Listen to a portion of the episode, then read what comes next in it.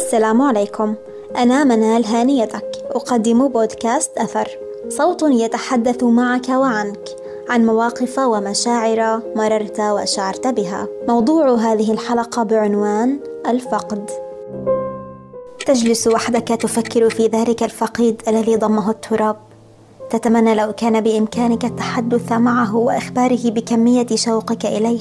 بكمية الكلمات التي ابتلعها قلبك قبل أن تبوح له بها. ملامح باهتة عينان ذابلتان عقل تائه وقلب مرهق. تتذكر كيف كان فقيدك في حياته. تحاول استرجاعه في تفاصيل حياتك ومراحلها. الأوقات التي كنت بحاجته فيها لكنه كان الغائب الحاضر. صورته في عقلك وجسده في الأرض. كم هو موجع الفقد؟ يأتيك كصاعقه لم تكن بالحسبان. لحظة واحدة تغيرك للأبد. تنهش من روحك وتترك ندبة في قلبك. تودعه لآخر مرة وتترك قلبك معه لتصبح جسدا بلا روح. ولكن هل تخيلت أن هذا الموت سيكون لفترة مؤقتة؟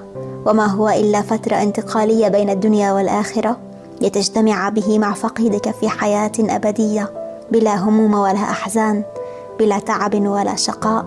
الأحبة مجتمعون لا فقد ولا وداع. هون عليك. ما هي إلا دنيا وما هي إلا اختبار. وإنما يوفى الصابرون أجرهم بغير حساب. فعلى حزنك وعلى صبرك تؤجر. ولو كان البكاء يعيد الميت لبكينا حتى فاضت الأنهار. لكنه قدر الله. اليوم فقدت غدا ستفقد. واصبر وما صبرك إلا بالله. ادع لفقيدك. زره. تصدق عنه. فالأموات يشعرون بالأحياء.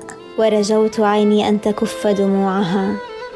يوم الوداع نشدتها لا تدمعي.